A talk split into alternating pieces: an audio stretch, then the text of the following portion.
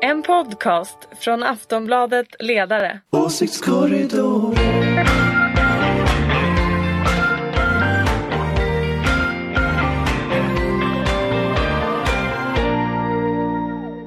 Hej och välkomna till Åsiktskorridoren, podden från Aftonbladets ledarredaktion där vi pratar om vad som verkligen händer i politiken. Hösten är ju här, skogen är full av kantareller och björnjakten är redan slut på många håll, till exempel där jag befinner mig. Regeringen har haft sina överläggningar i Harpsund och oppositionen vässar sina argument. Det finns kort sagt en väldig massa saker att prata om. Med mig finns som tur är Ulrika Schenström, chef för den gröna och liberala tankesmedjan Fores och oberoende moderat. Är allt bra? Ja, allting är jättebra och solen skiner här i Stockholm idag så det är ju lite extra bra. Det har ju regnat i typ två veckor. Ja, här finns också Jonna Sima eh, från den oberoende socialdemokratiska ledarredaktionen på Aftonbladet. Är du redo? Jajamensan, för en ny vecka. Skönt att höra. Mm. Och sist men inte minst eh, Anders Lindberg, chefen för Aftonbladets ledarredaktion. Här är jag. Eh, ja, hur är det med dig? Med mig är det bra, men det låter utanför fönstret här så att jag får se hur det går här. Ja, jag tänkte vi skulle börja med ett ämne som är lite specialinriktat till just dig. Eh, medan vi sitter här och pratar så lyfter ju de sista planen från Kabuls flygplats. Sverige har avslutat sin evakuering redan i slutet av förra veckan. 1100 personer, framförallt lokalanställda och deras familjer har flugits ut. Är det här en framgång eller ett misslyckande för den svenska regeringen, Anders? Alltså evakueringen blev kanske en framgång till slut. Men eh, det är ju själva evakueringen, att man faktiskt lyckades få ut människor. Det ändå var en bra insats tycker jag. Och både från Utrikesdepartementet och Försvarsmakten och alla andra, alla ambassader som har samarbetat och sådär. Sen så är ju själva händelseförloppet eh, en, en, ett underrättelsemisslyckande av rang, skulle jag säga. Eh, att talibanerna tog över till den, vad var det, 15 eh, augusti, tog de, föll väl Kabul. Eh, alltså att man inte visste att det skulle gå så snabbt. Att man inte visste att den afghanska armén skulle braka ihop och bara försvinna. Måste ju vara ett episkt underrättelsemisslyckande. Eh, så. Och det, det, är klart att eh, det här skulle man ju ha förberett innan, flyga ut människor innan Kabul föll. Eh, men det kan ju inte lasta Sverige. Liksom. Eh, men det är klart att man skulle ha vetat det innan och som en total insats så är ju avslutet av den militära insatsen i Afghanistan, den är ju ett fiasko utan dess like. Ja, det är ju 20 år utav, eh, utav ett krig där Sverige då under en stor del av tiden har, har funnits med på ett hörn. Alltså, fram till 2014, 2015 så fanns ju Sverige med eh, ganska ordentligt och sen efter det så har man ju funnits med som stabsfunktioner och sådär. Ja. Hur ska man se på det Ulrika? Det kommer ju bli hur mycket eh, efterforskningar och, och, analyser i efterhand om vem som gjorde vad och varför och inte. Men jag är väldigt, väldigt förvånad, precis som Anders, över att nej, vi visste ingenting. Precis som du säger Anders, är det tycker det var väldigt väl uttryckt. Nu blir alla jättearga för att jag tycker att du har uttryckt dig väl. Eh, episkt, ett episkt misslyckande på underrättelseverksamheten. Ja, det håller jag med om. För att det kan inte vara så att alla blev förvånade, det är ju helt obegripligt. Men jag tycker ändå att det är skönt att vi har fått hem så många som det går. Eh, och att vi ändå verkar ha fått hem största delen av de som vi ska ha hem. Men det finns, väl, Sverige. Det finns väl ändå en svensk aspekt av det här. Alltså även om, även om debatten var lite förvirrad så hade vi ju en debatt i, tidigare i början på sommaren om de här svenska tolkarna och, och där eh, justitieministern hade en uppfattning om hur många Ja, det där var, var väldigt märkligt. Alltså, hur svårt kan det vara om vi bara kunde tagit hem dem? Det hade alltså, varit det jättebra. Ändå, ja, där måste väl ändå regeringen ha ett ansvar? Ja, absolut. Så Anders, varför tog de inte hem dem? Varför, varför fastnade allt på justitie? Det, det fastnar inte på justitie. Alltså så här, alltså, om man ska bara dra väldigt kort bakgrunden så är det ju så att Sveriges insats varade ju, som jag sa, fram till ungefär 2014-2015 när den avvecklades. Eh, den, den, den, och, och, och, fram tills dess hade man ju också väldigt mycket tolkar. Eh, jag tror att Försvarsmakten har sagt att det är någonstans 300 någonting som man använde där nere och det är ju plus familjer och sådär. Den här siffran 10 000 är ju bara blaj. Eh, det finns ju det är ju bara något de har hittat på liksom på justitiedepartementet. Men, det var Morgan Johansson som använde den. Ja, det, det, det är naturligtvis nonsens. Det, det, det, handlar ju inte om några 10 000 tolkar. Liksom.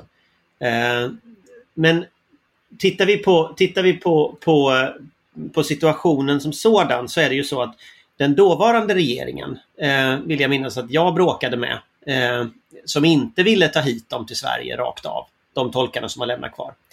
Sen är det nog successivt allt svårare att plocka ut människor, för de finns ju inte heller i Kabul, de finns ju i hela landet. Och vissa dör, vissa flyttar till andra länder. Alltså det, det, är idag ganska svårt att spåra 300 personer som man hade att göra med för sju år sedan. Det är liksom ingen lätt insats. Eh, och du tänker att folkbokföringen i Afghanistan inte funkar precis som i Sverige? Jag tänker att folkbokföringen kanske inte funkar. Däremot finns det ju de man haft kontakt med. Och att media har kunnat hitta dem, men inte utrikesdepartementet, kanske inte är jätteimponerande. Om man uttrycker sig så. Eh, och det är ju så att de kommer naturligtvis ge sig till känna om man säger att nu får ni åka hem eh, till Sverige.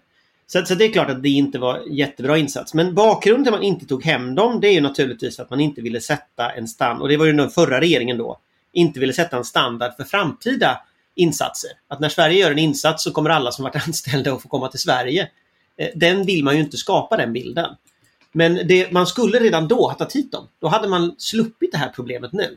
Eh, och nu är det ju hart när omöjligt att få ut folk. Eh, för flygplatsen stänger ju. Liksom.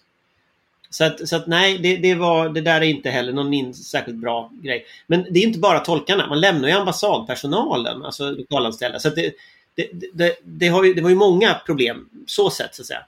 Sen tycker jag ju fortfarande att den militära insatsen i Afghanistan, det var ju en del i att försöka bygga eh, respekt för mänskliga rättigheter och försöka förhindra oerhört svåra brott mot mänskliga rättigheter. Eh, och det är klart att det har man väl gått in i landet, då har man ju ett ansvar för hur det går i landet sen. Eh, och, och, då kan man inte bara lämna och dra. Och jag tycker i grunden att den amerikanska reträtten, för det är ju en reträtt det här handlar om, inget annat.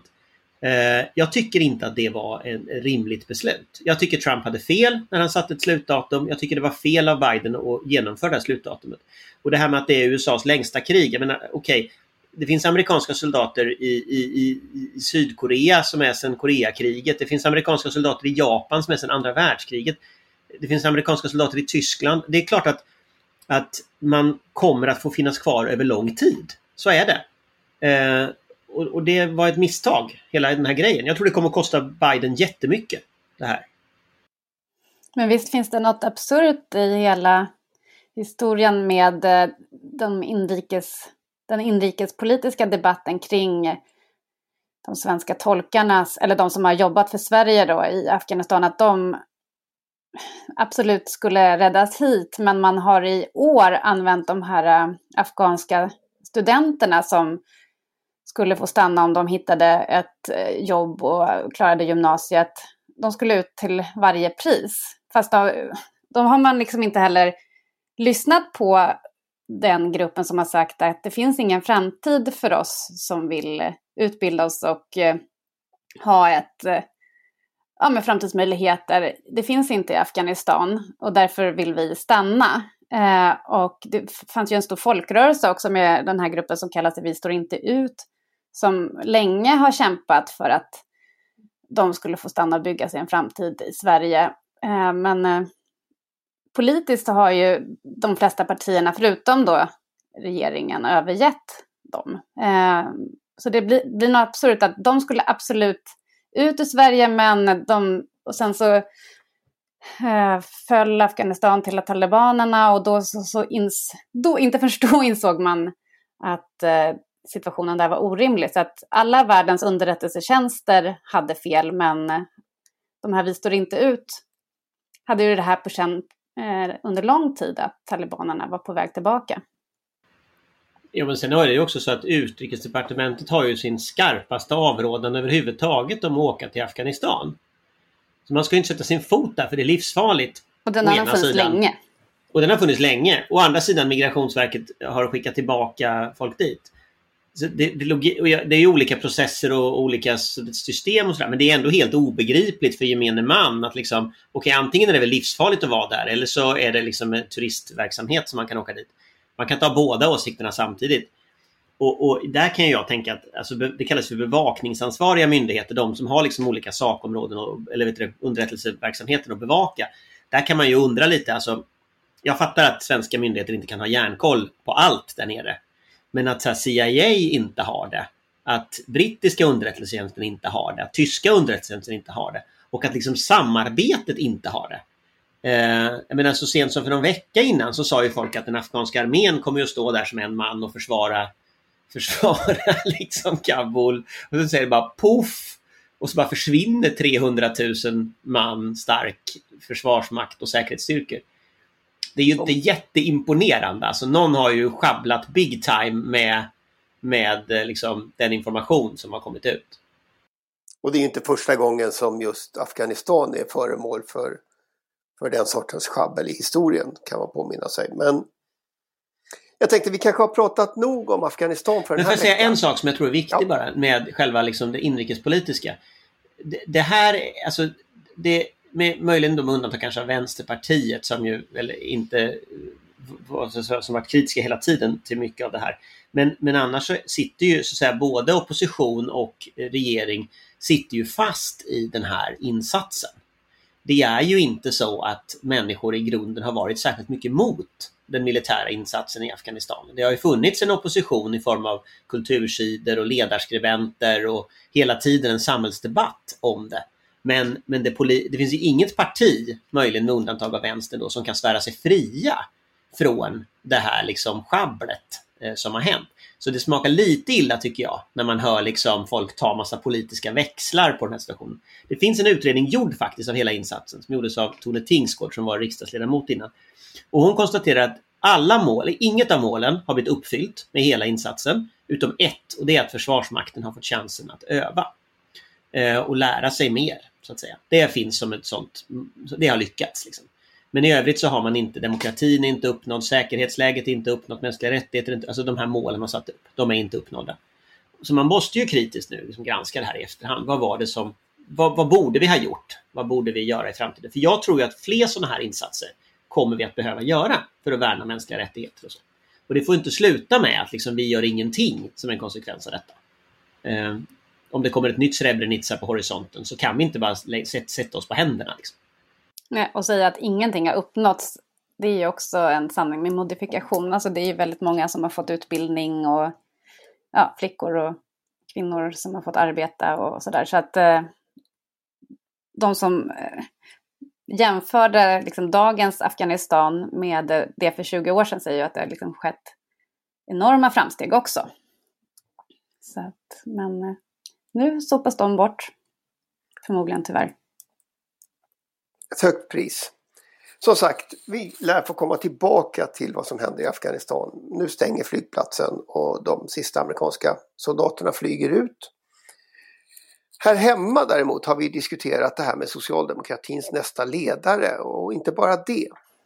Ett av de liksom återkommande kraven är ju att nästa partiledare och statsminister måste vara en kvinna. Och efter det har ju debatten rasat. Spelar det någon roll vilken kön en politisk ledare har, har man frågat sig. Så nu ställer jag frågan till panelen. Spelar det någon roll? Jonna? Eh, ja, det har ett symbolvärde åtminstone. Och eh, sen så spelar det såklart roll också vilken kvinna det blir. Ulrika, hur tänker du om ja, det? Ja, nej men absolut. Um, jag tycker att den här debatten har varit något onyanserad. Det är ju så att Sverige inte har haft någon eh, statsminister som är kvinna. Tittar man runt bland de andra nordiska länderna så är det hur många som helst. Eh, och ja, jag tycker att kompetens är jätteviktigt. Och här har vi alltså, om vi nu eh, tittar på Socialdemokraterna, en ytterst kompetent, välutbildad, eh, meriterad person som dessutom är kvinna. Ehm, jag förstår varför Socialdemokraterna vill ha just den Magdalena Andersson som hon är. Ehm, så att hela den här debatten tycker jag är lite det är, väl, det är väl så att det finns ytterst många kompetenta kvinnor som inte har tagit sig fram på grund av att de just är kvinnor. Eh, och jag menar, tittar du på både drev och, och hetskhet på Twitter och så vidare, så blir det ju alltjämt värre varje gång det är en kvinna som säger någonting. Det är ju bara att inse att jag tror att vi behöver, vi behöver vara schyssta mot kvinnor, inte varje gång en kvinna föreslår en kvinna så är det dåligt. Utan, eh, men som sagt, kompetens måste ju alltid gå först. Men sen att det råkar vara en kvinna som har den högsta kompetensen just nu, i min mening, så är det väl bara bra. Nej, men jag tror ju också att det är en kompetens, de erfarenheter som kvinnor har med sig till politiken eh, och som kvinnor har med sig överlag, för det är andra erfarenheter än vad män har ofta. Eller det är det. Och eh, jag tror att, att den här idén med varannan damerna som det ju heter, det låter ju helt ålderdomligt när man säger det, men att varvade lister och sånt. Den byggde ju just på att ta tillvara erfarenheter från både män och kvinnor i ett politiskt system där mäns erfarenheter togs tillvara men kvinnors erfarenheter inte gjorde det. Och jag skulle nog kunna sträcka mig så långt som att säga att i toppolitiken idag så tas inte kvinnors erfarenheter särskilt mycket tillvara. Eh, jag ska inte säga att socialdemokratin är gubbig, men jag ska säga att det finns en klar grabbighet hos eh, liksom Socialdemokraterna som, som, som märks ganska ofta i debatten och som, som jag tycker ibland blir väldigt problematisk. Eh, och när vi har haft en period tidigare när personer som jag uppskattar stort, men där allihopa var män. Eh, det var eh, Stefan Löfven var man, eh, Karl Petter Thorwaldsson var man, Jonas Sjöstedt var man. Eh, från liksom vänster, eh, alla från med bakgrund i Metall. Det är klart att det ger ett intryck av vad vänster, vänstersidan i politiken är, som inte är rättvisande. Men Anders, den här grabbigheten finns ju precis överallt. Jag menar, jag vet av egen erfarenhet att jag var, den enda, jag var en av väldigt få kvinnor i den innersta kretsen när jag höll på med Nya Moderaterna och jag kände mig definitivt som jag var en av grabbarna. Men jag blev aldrig betedd. De betedde sig aldrig mot mig som jag var en av grabbarna. Så att, och ofta så är det ju, det är ju synd det där att en sån där kultur kommer upp, för den, den, den leder också till något nollsummespel bland kvinnor. Att så här, ja, nej men om, aha, jag den enda kvinnan här, ja då måste vi se till att inte några andra kvinnor kommer in här. Visst. Alltså det blir, det blir ett, blir ett jätteproblem. Utan, ja, nej, nej jag, jag, förstår, jag, jag förstår också att folk gapar och skriker och säger kompetens först, absolut, men titta på hur kvinnor blir, hur, hur de blir beted, hur de beter sig. Och om det händer någonting så blir en kvinna helt annorlunda eh, beskriven än en man. Ja, och jag vill faktiskt säga emot Anders att jag tycker visst att, att den här, alltså dagens socialdemokrati har problem med gubbighet eller vad man nu kallar det. Um, det är... Det är ju hela det politiska landskapet. Ja, ja, jo men absolut. Men det är... Visst, det kan vara en slump, men förmodligen är det ett mönster att det bara är Magdalena Andersson som har... Alltså är det kvinnliga statsråd som har suttit hela de här sju åren under Löfven. Annars har kvinnor kommit och gått. Det är många kvinnor som har vittnat om att han omger sig av en liten grupp manliga eh, rådgivare och att, eh, att, det, att kvinnor inte får samma inflytande och eh, stöd och de framträdande positionerna. Eh, jag har själv skrivit texter om, med vittnesmål från kvinnliga eh, toppolitiker inom partiet som, som säger att det finns en eh, grabbkultur, eller vad man nu ska säga, där, där det är svårare att komma fram som kvinna. Så det här är någonting som partiet absolut måste ta itu med. Så det blir lite skevt när det framställs som att, att Löfven är liksom den stora feministen och kvinnornas eh, riddare som nu har indirekt, eller liksom inte så indirekt, det är ganska så tydligt att han har pekat ut Magdalena Andersson som sin efterträdare om han får välja. Men han har inte bidragit till att så många fler kvinnor har lyfts fram i den yttersta toppen. Så att där har, har, finns det mycket arbete för partiet att eh, ja, hantera. Där var det ju också lite intressant. Där var det också lite intressant det som när, när den här regeringen tillträdde. Om man tittar på vilka som var i maktstrukturerna i Socialdemokraterna. Och det är bara att titta på verkställande utskottet. Eh, då blev ju alla de som var män i verkställande utskottet utom Karl-Petter Thorwaldsson som var LO-ordförande. De blev ju statsråd. Och jag tror att det var ett, en, en kvinna, jag tror det var Ylva Johansson som blev statsråd. Men ingen, ingen, ingen av de övriga. Och det är klart att, att, att det finns i det socialdemokratiska partiets maktstrukturer, alltså in, e, ett hack ner under Löfven. Alltså partistyrelse, verkställande utskott, eh, hur ombudsmannakåren ser ut och så. Alltså det finns ett, ett jobb man har försökt att göra under många år för att, att bli mer jämställd som organisation. Och det har man ju inte fullt ut lyckats med, så är det ju. Så på det sättet så är så här, kompetensen att vara kvinna och det var det jag menar med att det finns särskilda erfarenheter som är viktiga att ta tillvara på också i, i, i det här. Jag tror att det behövs en kvinna för att städa upp den här typen av partikulturer som Jonna pratar om. Jag tror faktiskt att det är det symbolvärdet, det är inte bara symbolvärde utan det är också att man ser andra saker. Har en förmåga att göra liksom andra beslut. Eh, och jag jobbade ju under Mona Salin när Mona var, var, var partiordförande så jag, jag var ju aktiv på den, under den perioden. Och det var väldigt tydligt att det var strukturer som hon mötte i partiorganisationen. Eh, som, som inte riktigt hade agerat på samma sätt om det var Göran Persson som hade gjort det innan då eller sådär. Eh, och jag tror faktiskt att det där är jag tror det där är mycket viktigare än, än vad man låtsas om. Eh, speciellt när man så att säga, nu ska jag inte säga Ulrika då, det här, men alltså från borgerligt håll säger att ah, men det är bara kompetens därför. Det är det inte alls i den meningen att kompetensen är ju också någonting som någon värderar. Vad är kompetens? Vad är det du värderar för något? Eh, nu har ju lyckligtvis Magdalena Andersson, hon är ju så här, mer kompetent på alla områdena. Eh, formellt, informellt eh, liksom, och så. så. Så hon tar ju hem det här. Men en medelmåttig man mot en skicklig kvinna så vinner ju väldigt ofta en medelmåttig man. Så är det ju. Och man måste verkligen vara en övermänniska för att ta hem det. Och nu har hon liksom checkar alla boxarna här och då tar hon kanske hem det då. Men, men, men nu måste jag bara tillägga en annan sak här också. Och det är inte bara det här med det yttre liksom att, eh, och, och könet i sig, utan det handlar också om vilken politik man för. Alltså om man inte för en politik, oavsett nu liksom vem som skulle vara regering, som faktiskt vill utplana eh, jämställdheten mellan könen, till exempel lönenivåer och allting annat som trots allt existerar. För att man inte vågar ta strid i en fråga som till exempel föräldraförsäkringen. Och också den, den, det, det vi också vet att kvinnor får lägre pensioner på grund av hur, hur den här föräldraförsäkringen slår. Och om det nu är ett skattefinansierat bidrag, varför gör man ingenting åt det här? Varför, det, jo, jag vet, för det är för jobbigt och det är för mycket strider.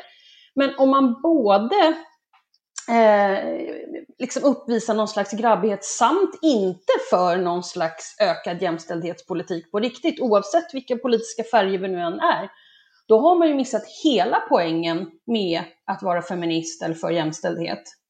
Eh, så, att, så att det, det, handlar ju också om vad man gör. Ord och handling spelar roll, både och. Ja visst. Men alltså, Karin Pettersson var inne på det på kultursidan här i helgen i Aftonbladet. Att eh, gärna en kvinna men också lite helig vrede. Och det anspelar ju på den här eh,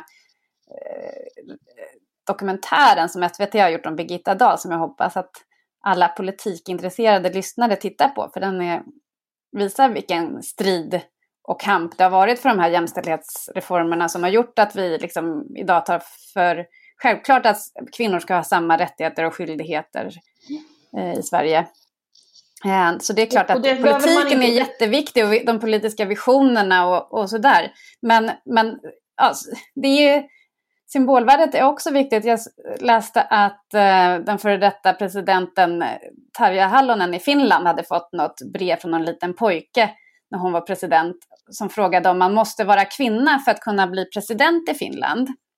Det, det är sådana där eh, symbolvärden som faktiskt spelar roll. I, I, Sverige är det nog, ja, nu finns det många kvinnliga partiledare och så, men, men det här glastaket finns fortfarande på statsministerposten. Att kan en kvinna verkligen bli statsminister i Sverige? Ehm, den frågan har ju inte fått ett ja än.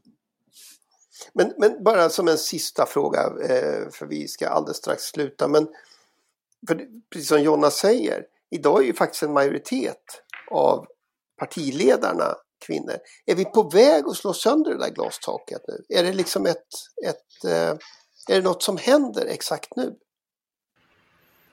Ja, det avgör väl delvis Magdalena Andersson. Men jag tycker att det är rätt intressant. Om en man är partiledare så är det självklart, oavsett om han företräder ett 3 eller 4 parti eller ett 25 parti, att han vill bli statsminister. Men om en kvinna skulle ha ambitionen att bli statsminister, och även om hon inte ens har uttalat det, då blir hon hånad för hon vill säkert bli statsminister. Hur är det möjligt? Det säger ju en del om attityden här Jonna, eller hur? Ja, jo men eh, kanske det. Men jag tänker att faktiskt att eh, de här kvinnorna som har kommit nu på senare år, alltså Annie Lööf har ju suttit i tio år. Eh, ja, och... men hon är ju hånad för, även om hon inte ens har sagt att hon skulle vilja bli statsminister, vilket jag faktiskt inte har någon aning om överhuvudtaget, men bara att håna en person som är partiledare Ja, det är väl inte så konstigt. Varenda partiledare borde väl vilja bli statsminister, annars är, man väl, annars är det väl...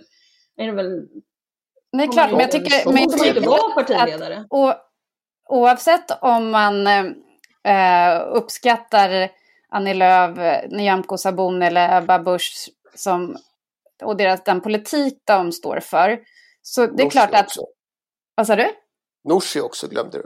Nej, Norsi Dadgostar, herregud. Äh, Ja, precis. Det är så många. Eh, nej, men det är klart som du säger att det här, det ändå har varit en tillvänjningsprocess. Alltså alla de här kvinnorna har ändå, eh, vad ska man säga, krattat gången för att vi ska få en kvinnlig statsminister. Alltså man, man vänjer sig vid att de som styr och ställer och som pratar i partiledardebatter i riksdagen och i tv, det är kvinnor. Eh, och då kom, alltså, så jag tror när vi väl får en kvinnlig eh, statsminister, för det kommer ju bli så en dag, förr eller senare, eh, så kommer det ändå inte vara någon stor eh, chock så, eller vad man nu ska, hur man nu ska beskriva det, utan vi har liksom vant oss vid att höra och se kvinnor på toppositioner, så att det här, det är liksom bara sista eh, taklagret som ska krossas. Det får faktiskt bli slutordet i veckans åsiktskorridor. Eh, jag vill som vanligt tacka Ulrika, Jonna och Anders. Och naturligtvis dig som har lyssnat. Det är du som gör att den här podden kommer till. Ett stort tack och vi hörs om en vecka. Hej då! Hej hej! hej, hej. hej. En podcast från Aftonbladet Ledare. Åsiktskorridoren.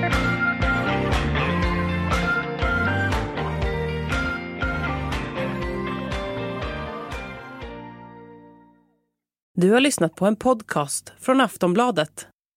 Ansvarig utgivare är Lena K Samuelsson.